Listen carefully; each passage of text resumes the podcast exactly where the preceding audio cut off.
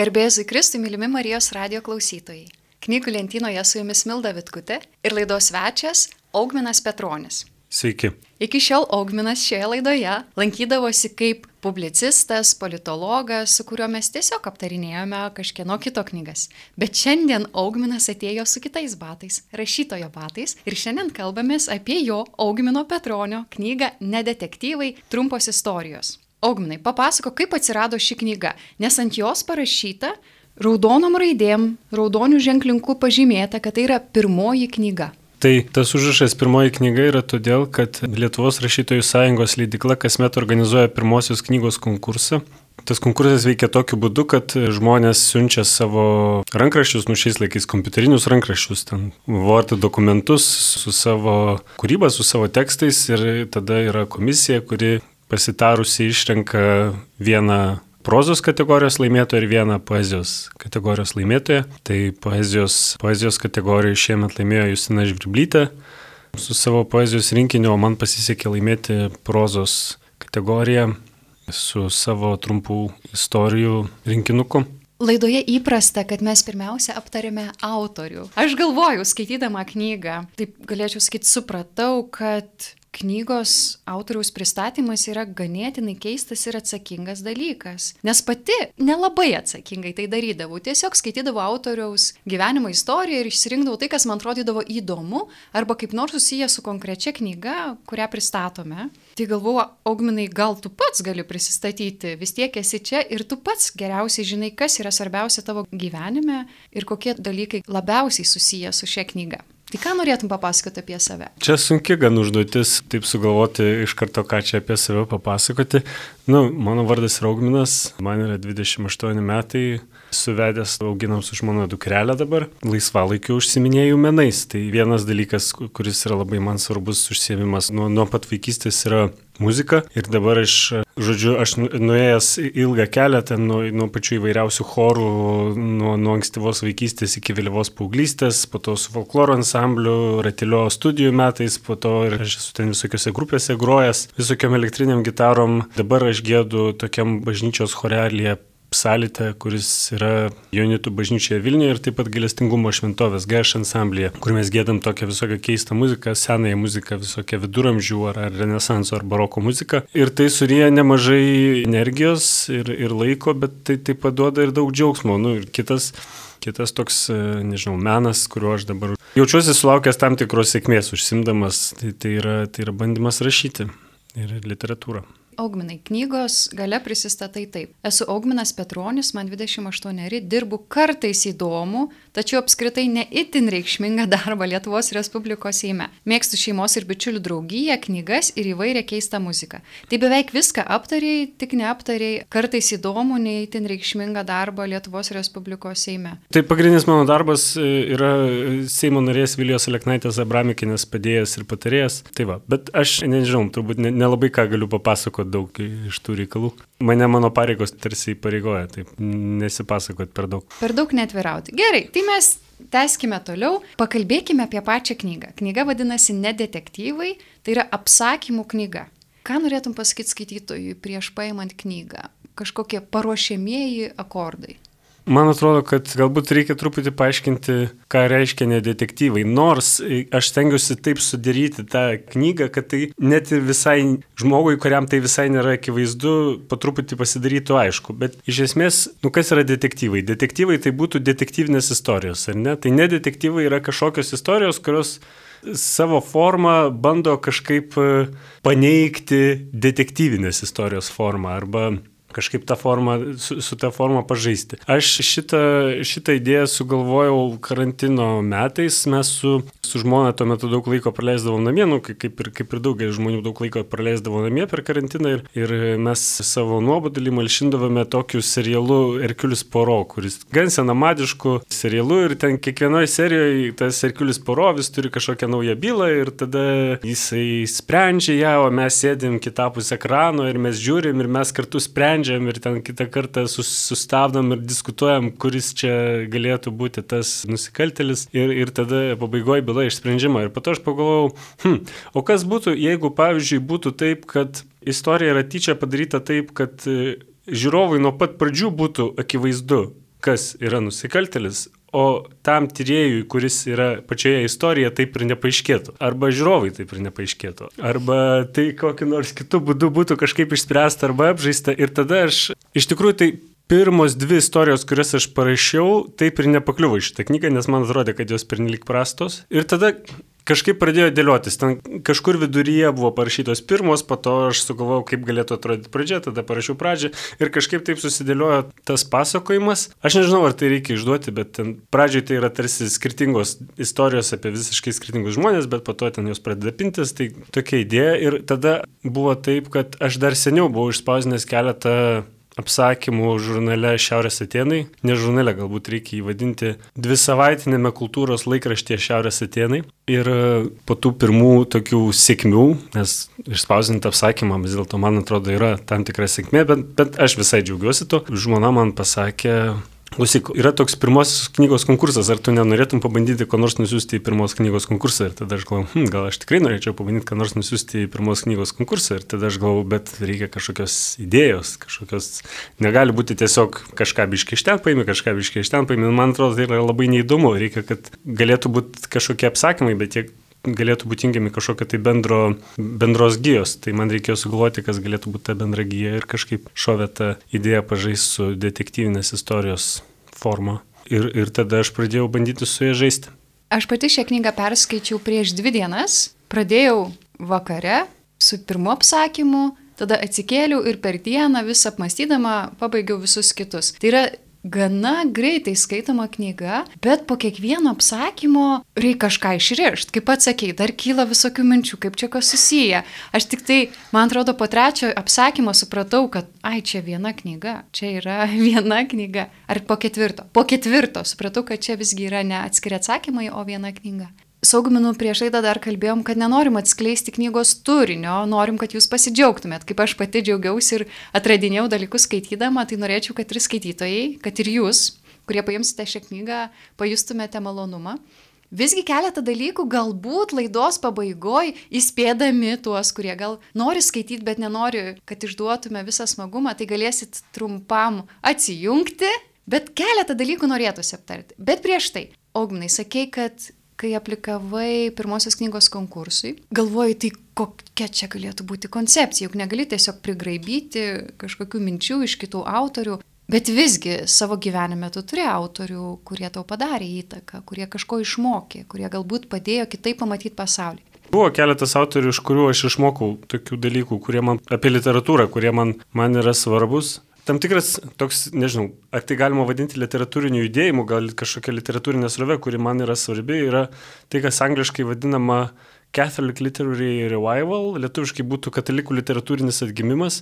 Tai yra XIX amžiaus pabaigoje, XX amžiaus pirmoje pusėje toks vykęs reiškinys ir e, daugiausiai anglakalbių ir, ir prancūzų autorių tam yra, yra, yra priskiriama. Ir tie autoriai iš tikrųjų buvo gan skirtingi. Ir, ir Tolkienas, kuris parašė Žiedų valdovą, yra priskiriamas, ir Ivlinas Vo, kuris parašė Sugrįžimą į Braiskedą, yra, yra priskiriamas šitai, šitai srovė. Ir Chestertonas yra priskiriamas šitai srovė. Ir visi šitie trys autoriai yra be galo, be galo skirtingi. Tarp jų yra įmanoma rasti tam tikrų bendrybių, bet, bet tai kaip jie, jie konstravo savo, savo kūrinius labai labai skiriasi, bet tam tikri dalykai, kurie man buvo svarbus, aš išmokau, aš turbūt pirmą kartą šitą išmokau, perskaičiau skaitydamas Tolkieno laiškus, Tolkieno, kuris parašė Žydų valdovą laiškus. Aš kažkaip turėjau tokį įsivaizdavimą, kad literatūra ir menas yra kažkas tokio, kas turi kažką atverti labai gilaus apie, apie žmogų ir žmogaus būti, ar kad tai būtinai turi kažkokias tai kažkokią užsimti socialinę kritiką, kažkokias problemas iškelti ir skatinti visuomenę pokyčiams, bet tada aš skaitydamas Tolkieno laiškus radau, kad jisai taip sako, kad nu, literatūra iš esmės yra visų pirma skirta pramogai. Tai yra tai, ką žmogus norėtų daryti laisvalaikiu. Ir tada aš kažkaip pagalvojau, kad taip, jeigu kas nors rašo, jeigu aš, pavyzdžiui, bandau rašyti, tai turbūt sėkmė to rašymo yra didelė dalim matuojama pagal tai, ar tai skaityti yra smagu. Jeigu to skaityti yra nesmagu, tai reiškia kažkas nepavyko. Kitas autorius, Ivlinas Vo, kuris parašė Sugrįžimą į Braisėdą, irgi romaną, kurį aš labai rekomenduoju ir kurį perskaitęs aš būtent pabandžiau pats kažkokius tai juodraščius rašyti stalčių, iš kurių po to vėliau, nuėjus ilgą kelią, va dabar atsirado galbūt knyga, nors šitoje knygoje nėra nieko iš tų pirmų, pirmų juodraščių, kuriuos aš rašiau, bet kažkoks kelias vis tiek yra nueitas. Tai va, tai Vo sakė tokią mintį, kad maždaug galbūt siaubingas šio laikinio meno šlikštumas mums yra duotas tam, kad nemanytume, kad menas gali mus išganyti. Ir gal kam nors tai nuskambės kaip pikta patyčia, bet man tai skamba kaip kažkokia tokia šiek tiek išlaisvinanti mintis, nes jinai truputį išlaisvina nuo pretenzijų, kad taip, menas galbūt visą laiką kalba apie kažkokius dalykus, kurie mums gyvenime yra svarbus, ar gražius, ar, ar kitą kartą būna menas, kuris bando tyčia pavaizduoti kažkokius tai baisius, liūdnus ir biurus dalykus tam, kad parodytų, kad yra skirtumas tarp gero ir blogo. Taip kaip, pavyzdžiui, Balios rogos dievų miškas vaizduoja baisius ir liūdnus dalykus, bet jis vaizduoja ne tam, kad pasimėgautume to baisumo, bet tam, kad pamatytume skirtumą tarp gero ir blogo ir pamatytume, kokie žmonės kartais gali būti žiaurus vienas kitam ir kažkaip matytume, kaip tą, kaip tą derą vertinti. Tai va, bet, bet menas nėra kažkas, kam verta pašvesti gyvenimą. Tai nėra kažkas, kas yra galutinis tikslas dėl savęs, tik pačiam savo. Jis, jis irgi turi savo vietą kažkokiam platesniam žmogiško gyvenimo kontekste. Paminėjai ir Chestertoną. O ką išmokai iš Chestertono? Aš iš Chestertono išmokau turbūt, kad rimtumas nėra darybė. Kad rimtumas kartais reiškia tam tikrą susireikšmimą, ar kartais geriau yra mokėti tiesiog tiesiog pasijuok. Čestertonas kažką panašaus yra pasakęs, kad gyvenimas yra rimtas dalykas, bet visą laiką gyventi rimtai yra neįmanoma. Man ta mintis irgi patinka. Sakyk, kad vienas iš kriterijų, ar kūrinys geras, tai yra ar jį malonu skaityti. Bet pats knygos gale, viršelėje, kur yra tavo veidas, nuotraukėlė, sakai, bet paradoksas atrodo, kad didžiausią skaitimo malonumą teikia tos knygos, kuriuose siekiama šio to daugiau nei tik suteikti malonumą. Galėtum praplėsti? Iš vienos pusės mes skaitom knygas dėl pramogos, bet iš kitos pusės mes skaitom dėl to, kad kažko pasisemtume. Ko pasisemtume yra labai, labai sunku atsakyti iš tikrųjų. Nėra taip, kad mes, pavyzdžiui, skaitom romanus taip, kaip skaitom vadovėlius. Jeigu man reikia techninių žinių apie tai, kaip veikia kokia nors fizikos šaka, nežinau, kvantinė mechanika, tai geriausia, ką aš galiu padaryti, tai yra pasimti vadovėlį, perskaityti nuo pradžių iki galo, suprasti ir suvirškinti tai, ką perskaičiau ir padėti. Bet su romanais mes taip nedarom. Dažnai žmonės perskaito romaną vieną kartą, padeda po kurio laiko perskaito antrą kartą. Ir nėra taip, kad jie tiesiog pamiršo, kas ten buvo parašyta, bet jie kažkaip bando pakartoti tą įsijautimo, kažkokio tai ar emocijų, vaizdinių, įsigyvenimo, tai aš nežinau kaip taip vadinti patirtį, kurią ta knyga duoda. Galbūt, galbūt tai kažkaip galima palyginti su žaidimu. Nu, nėra taip, kad mes, jeigu draugas mane pakviečia pažaisti krepšinį, tai aš sakau, ačiū, aš jau vieną kartą žaidžiau krepšinį, man užtenka. Nu, tai, tai yra kažkas, ką mes kartuojam daug kartų. Rodžeris Krutinas, toks britų filosofas, yra pastebėjęs, kad tarp meno ir religijos tam tikrą prasme yra irgi kažkas, šitos pusės yra kažkas bendro. Niekas nesako krikščioniui, tu jau vieną kartą gyvenime sukalbėjai, tėvė mūsų, kodėl tu čia vis kartoji tą maldą, bet tėvė mūsų ir mes ne todėl kalbam, kad vieną kartą sukalbėjom ir viskas jau pasakėm, Dievas mus išgirdo, bet mes tą maldą kartuojam tam, kad mes patys save įstatome statomi kažkokį tai savo vidinį pasaulį, tarsi susitvarkom, persiorientuodami į tai, kas yra svarbiausia ir kas turi būti pirmoje vietoje, ar ne. Tai man atrodo, menas irgi turbūt vienaip ar kitaip turi kalbėti apie tai, kas yra svarbiausia. Jeigu visai nekalba, tai jis mums atrodo tuščias. Bet jeigu jisai tiesiog bando mums perteikti doktrinos tiesas, mums jis atrodo negyvas. Dėl to jis, jis turi būti rimtas ir žaismingas, turbūt tada yra geriausias. Aš nežinau, kiek man su nedetektyvais tai pavyko, bet man atrodo, kad geriausi literatūros kūriniai būtent tuo pasižymė. Aš prisimenu vieną kartą moksleiviams, skaičiau poeziją prieš miegą, vietoj pasakų. Ir vienas iš vaikinų, koks 16 metų paauglys, sako, nieko nesupratau. Mokta, galit paaiškinti, tuo metu aš dar dirbau mokytoje mokykloje. Ir ką aš taip paaiškinau jam maždaug kokia čia pagrindinė mintis eilėraščio ir jisai, a, o dabar tai man patinka. Bet tada galvojau, šlamštas. Mm, Juk poezija rašoma tam, kad norima pertikti dalykus, kurių neįmanoma tiesiog tiesiai šviesiai pasakyti. Kad pati poezijos forma arba grožinės literatūros yra ta, kuri tave perkelia į kažkokį kitą buvimo būdą. Tai irgi man norėtųsi aptarti šią knygą kartu su tavim iš vienos pusės ir kažką išryškinti, iš kitos pusės suprantu, kad per daug kalbėti apie knygą ir ją aiškinti, tai prarasti pačią knygą. Taip, tai, taip yra. Man atrodo, tu tiksliai visai tą pasakėjai, kad eilėraštis ar, ar apsakymas, ar romanas, ar paveikslas galbūt turi kažkokią pagrindinę mintį, bet jis nėra ta pagrindinė mintis. Nėra tas pats perskaityti eilėraštį ir tiesiog perskaityti kur nors užrašytą tą pagrindinę mintį ar pagrindinės mintis. Nes tai, man atrodo, tai yra taip yra todėl, kad tie meno kūriniai, jie, jie bando ne tik tai pasakyti teiginius, bet jie bando taip pat įtraukti ir jausmus, įtraukti ir vaizduoti į tą procesą, kai, kai tu juos įsitrauki taip tai tarsi į žaidimą. Jūs klausote laidos knygų lentynoje. Šiandien su Augminu Petroniu pristatome jo pirmąją knygą Nedetektyvai trumpos istorijos.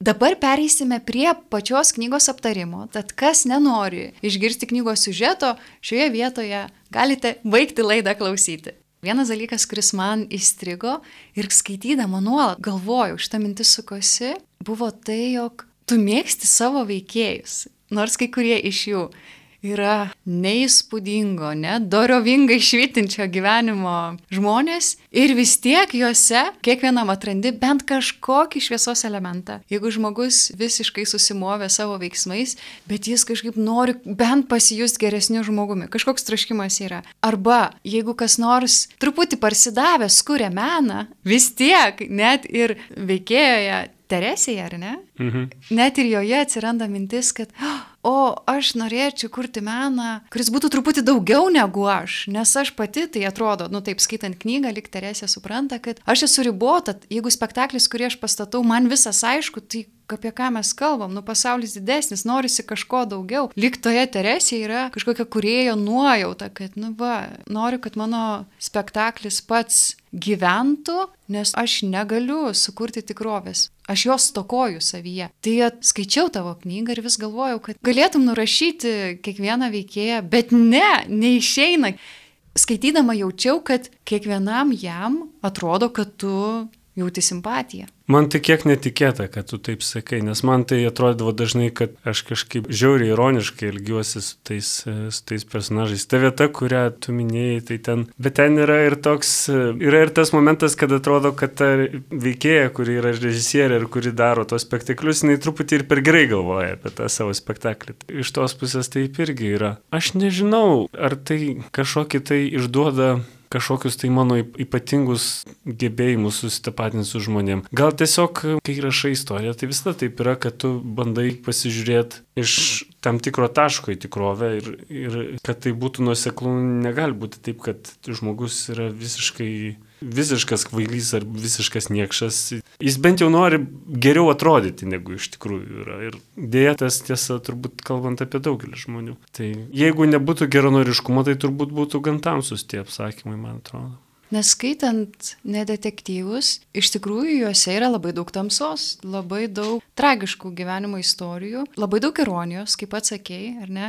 Gana žiaurus esi savo personažam, bet iš kitos pusės ir tikrovės, pamatymo, kaip atrodo vienoks ar kitoks gyvenimas kaip jis jaučiasi ir kartu matosi lik ir bėgimas, nuneigimas, kad yra kažkaip ne taip, kad tie mano pasirinkimai iš tikrųjų mane į gerą ir tada bandai iš visų patyrimų, kuriuos turi, bandyti pakeisti bent interpretaciją. Nu gal aš nepakeisiu gyvenimą, bet kaip nors pakeisiu interpretaciją. Tad iš vienos pusės tavo apsakymai netrodo labai viltingi, iš kitos pusės kažkodėl aš juos skaitydama matau viltį. Labai ačiū, man atrodo, kad tai labai didelis komplimentas. Ir aš nežinau, ar tai patys apsakymai, ar tu tiesiog esi toks viltingas ir gerai įsijaučiantis žmogus, jeigu daug žmonių skaitys juos taip ir ar tie žmonės, kiti, kurie skaitys tuos apsakymus ir jie, jie taip juos matys taip, tai aš tikrai galėsiu tuo pasidžiaugti. Aš man atrodo, kad naudoju tokį seną modernistinį triuką. Čia nėra joks mano išradimas. 20-ojo amžiaus pradžioje tą pradėjo naudoti poetai ir, ir rašytojai, ir dailininkai. Ir kad tu vaizduoji tokią tamsią ar patamsintą tikrovę ir vaizduoji žmogų ne iš gerosios pusės. Bet tu vaizduoji taip ne tam, kad tu pasimėgautum tuo žmogaus kažkokiu tuštumu, kerštingumu ar, ar kažkokiu tai tiesiog elgesiu su kitais, lyg jie būtų tiesiog daiktai ir neverti pagarbos ar kažkokio tai, nu mes sakom, žmogiškumo ar ne. Bet tu taip vaizduoji tam, kad parodytum, kad yra skirtumas tarp gero ir blogo. Kitaip tariant, jeigu tu įtaigiai pavaizduoji dvasinį skurdą, tai reiškia, kad kažkur turėtų būti ir toks dalykas kaip dvasinis turtas. Net, net, jeigu, net jeigu gyvenime atrodo, kad, kad jis kažkur dingęs ir jo nesimato, net, ar jis kažkur tik ties horizontų žypteli, kaip kažkokia vilties kibirkštėlė. Čia Man atrodo, kad dabar toje literatūroje, kur yra rašoma, šito yra daug. Galbūt kartais yra ir tokio pasimėgavimo to žmogiško gyvenimo purvu. Galbūt tai yra šiek tiek ir lengvas kelias eiti pradedančiam kuriejui, nes tu tarsi gauni tokią teisę pozuoti kaip modernistas ir dabar yra šiek tiek privaloma jauniems autoriams pozuoti kaip modernistams. Bet e, aš turbūt irgi šitai žmogų iš Ivlinovo visų pirma, skaitydamas jo knygas ir, ir taip pat jas Elioto poezija. Bet ir, ir tai nėra nauji dalykai, tai yra 20-ojo amžiaus pirma pusė. Galvoju apie tai, ką tu pasakėjai. Man skaitant knygą irgi švietėsi viltis. Galvoju, gal kai kur patydėjau, kaip norėčiau, kad šitas veikėjas norėtų daugiau. Bet kai kurie veikėjai matėsi, kad jie mato, kad kažkas ne taip, kažkas jų pasirinkimais, jų gyvenimo būdu, taip kaip jie bando mylėti, kažkas neveikia. Bet yra ir ilgesys, bet turėtų būti daugiau. Kažkaip, nu negi nėra daugiau. Tai ką aš jau viskas per seną meiliai, sako Beatričė, taigi tau tik 28. O tai ką, jau toks jausmas, nusivylimas, kad tai gal jau man nieko nėra, bet iš kitos pusės, iš to, kaip aprašinėjai veikėjus, jų gyvybę, šviesą, žaismingumą, man pačiai taip norisi, kad jie pamatytų daugiau. Tai buvo keletas apsakymų, kur buvo vilties žyptelėjimų ir galvojau, tai čia krikščioniškas veikalas ar nekrikščioniškas veikalas. Kadangi augminai, tu pats esi katalikas, ne tik gėdi bažnyčios chorė, bet ir meldiesi per mišes, tai kaip tu pats galvoji, ar čia krikščioniškas veiklas ir ką reiškia būti krikščionių rašytoju? Na, o ką tu tiksliai turiu omeny, kai sakai krikščioniškas veikalas? Aš irgi nesu tikra, ką turiu minti. Galbūt vienas dalykas, kurį tu sakei, kad kai vaizduoji gyvenimo sunkumą, griuvusius gyvenimus, tai juos vaizduoji ne tam, kad pasimėgautum, kažkaip teiktum beprasmybę, niekybę šio pasaulio, bet parodytum, kad yra gėrio troškulys.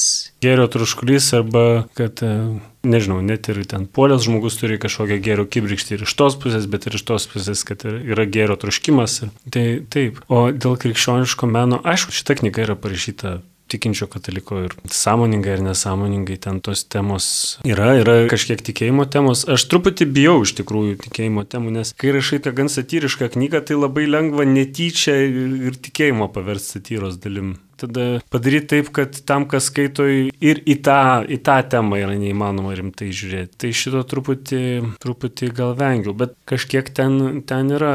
Vėlgi labiau apie tikėjimo patirtį, apie tam tikro žmogaus buvimą tikinčių ar buvimą netikinčių tam tikrom aplinkybėm. Man atrodo, kad ką reiškia krikščioniškas menas? Menas nėra patogi priemonė ar, ar literatūra nėra patogi priemonė skelbti doktrinas. Jeigu nori susipažinti su doktrina ar parašyti veikalą, kur tu įsitikinėjai tam tikrą doktriną, tai geriau rašyti tokį filosofinį darbą ar esė, kur sakai, štai mano yra tokios prielaidos, tokie argumentai, taip išplaukia, tas išplaukia iš to, o tokia pozicija yra klaidinga, nes todėl ir todėl, ir, ir tai yra daug patogesnis būdas. Apsakymai nėra patogus būdas, ką nors įtikinti doktriną, bet jie, jie daro kitą dalyką, jie duoda, yra galimybė žmonėms tarsi atsistoti į kito batus ir pamatyti pasaulį iš kažkokio kito taško. Ir vienas iš dalykų, ką katalikai rašytojai, man atrodo, daro ir darė sėkmingai, yra tai, kad padėt e, netikinčiam žmogui pažiūrėti pasaulį tikinčio žmogaus akimis.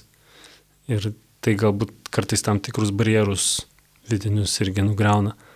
Bet, e, bet tai nėra tas pats, kas skelbti doktriną. Tai yra truputį, nu, tam tikrą labai plačią prasme galbūt, bet, bet tai yra truputį truputį kas kitka, man atrodo. O dabar toks asmeniškas klausimas. Atsakyk, kiek išeis. Iš kur visos tamsios istorijos, iš kur atrodo, kad vidinės patirtys, juk nebuvai vagis, narkotikų priekeivis, iš kur, iš kur šitos istorijos, iš kur šitie veikėjai? Mm, daug kas iš vaizduotės.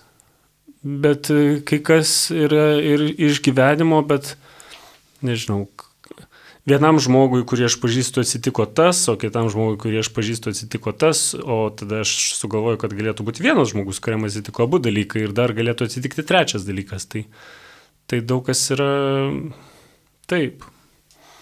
Mm, bet man atrodo, kad rašytojui reikia, reikia skaitytojas turi turėti, palikti rašytojui teisę turėti vaizduotę.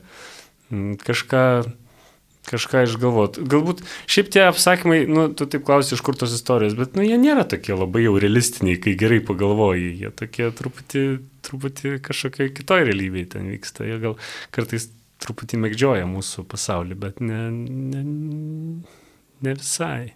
Bet vis tiek turi kažkaip žinoti, ką reiškia batai pakabinti ant lempos laido. Mm, taip, čia skaitytojams galima pasakyti, kad Šiaip čia, čia yra ginčytinas klausimas iš tikrųjų, ką jie reiškia. Yra sakoma, kad jie reiškia narkotikų prekybos tašką, bet vėl ar čia yra tam tikra tokia miestietiška mitologija, ar čia yra tiesiog tik mitologija, ar tai kažkokia, kažkaip yra teisinga, tai irgi nėra. Man, man nėra aišku, pavyzdžiui, nes aš niekada nesu ėjęs kažkur pirkti narkotikų, aš, aš nežinau. Tai, bet e, jeigu yra kūrinys, kuriam tas ženklas yra atpažįstamas ir jisai veikia ir tas, kas skaito, supranta, tai kodėl jo nenaudot? Jis, jis, nebūtinai, nebūtinai ten viskas turi būti kaip realybė yra. Gali būti kažkaip ir kitaip. Ir tada, tada atsiranda daug laisvės. Nežinau, bet tu, tu taip klausi, tarsi aš ne, ne, nebūčiau kažkokių tai tamsių patirčių turėjęs gyvenime, supranti, nu, Tai aš nežinau, ar aš noriu labai būtinai dalintis Marijos radio eterį vis, visais, savo, visais savo išgyvenimais, bet tai man atrodo, kad kaip ir visi, visi žmonės, nu, tu turi vienokių ar kažkokių tokių nutikimų, kur, kur arba tu kažkaip buvai sužeistas, arba tu pats pasirodai iš ne pačios geriausios pusės ir, ir, ir to irgi buvai sužeistas. Tai, tai čia man atrodo, kad Ir, ir nėra taip, kad man kažkaip rūpėjo tą išlieti į popierių, man, man tiesiog rūpėjo papasakoti geras istorijas. Bet e, vėl, kaip tu sakai, nu iš kažkur reikia semtis, kaip, kaip, tai galėtų, kaip tos istorijos galėtų vystytis, kas ten galėtų nutikti. Ačiū už tą paskutinę mintį. Skaitant, man vis kirbėjo iš vienos pusės ir galvotos istorijos, ir dar daug ironijos, bet kartu atrodo taip tikra, kažkas taip tikra išgyventa ir nebūtinai gal išgyventa vagystė, bet kažkoks vidinis sužeistumas, vidinis tuštumas, kurį, nu, kurį atpažinau, kad aš galėjau tapatintis, galbūt ne su veiksmais, bet su tam tikrais patyrimais. Ir man tai atrodė tikra.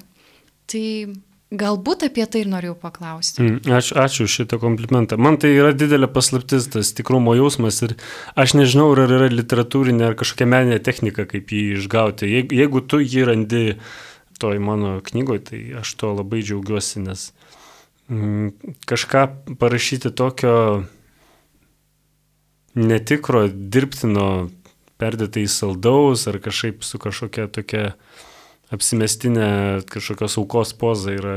Šiaip yra gan lengva, man atrodo, kad daugeliu žmonių tai pavyksta be didelių pastangų. Bet e, jeigu tu sakai, kad tai, kad skaitėjai buvo tikra, tai labai ačiū tau šitą komplimentą. Laidos pabaigai. Prašau, Augunai, palik skaitytojų su keliom gairiam. Va, žmogus galvoja, gal tikrai reikia įti įsigyti šią knygą. Beje, o kur ją rasti? tu uždavai klausimą, kurį rasti ir aš tada imsiuos pradžioje jo, po to, po to imsiuos to kito klausimo, kuris yra apie kitas gairias. Tai jeigu kas nors nori nusipirkti mano knygą Nedetektyvai, tai turbūt lengviausia yra ją pirkti internetu. Lietuvos rašytojų sąjungos leidyklos e, internetinėme puslapyje galima ją rasti. Taip pat Vilniuje tikrai galima rasti Lietuvos rašytojų sąjungos leidyklos knyginę. Šitos serijos knygos taip pat pasirodo ir kituose knyginuose, bet kada jį pasirodys kituose knyginuose, man yra kol kas e, mislė, aš nežinau. O apie gairias, tai viena gairė yra skaityti nuo pradžių, antra gairė yra skaityti įdėmiai ir trečia gairė, jeigu darosi nebeįdomu, tai nebeskaityti ir viskas. Aš sakyčiau, dar ketvirtą gairę galima pridėti, kad pasiruoškit, jog bus ką veikti, kad šita knyga skaitant, kaip pats sakė, detektyvai, visgi prašosi kažkokio sprendimo, ieškojimo, norisi jungtis dalykus. Tai gal neskaitykit labai pavargę prieš miegą, kad užmigtumėt, nes gali būti, kad paskaitę pirmą, antrą, trečią, ketvirtą apsakymą jau pradėsit ieškoti, kaip jie susiję. Tai nedetektyvai reiškia, kad e, viena iš prasmių galbūt yra, kad ir pats skaitytojas gali šiek tiek pažaisti detektyvą. Ten yra kur šiek tiek pažaisti detektyvą, bet aš tengiuosi padaryti taip, kad, kad jeigu ir nenori žaisti detektyvo, kad vis tiek būtų smagu skaityti. Jūs klausotės laidos knygų lentynoje, su jumis bendravo Milda Vitkutė ir laidos svečias Augminas Petronis, kalbėjomės apie jo pirmąją knygą Nedetektyvai trumpos istorijos. Smagaus skaitimo.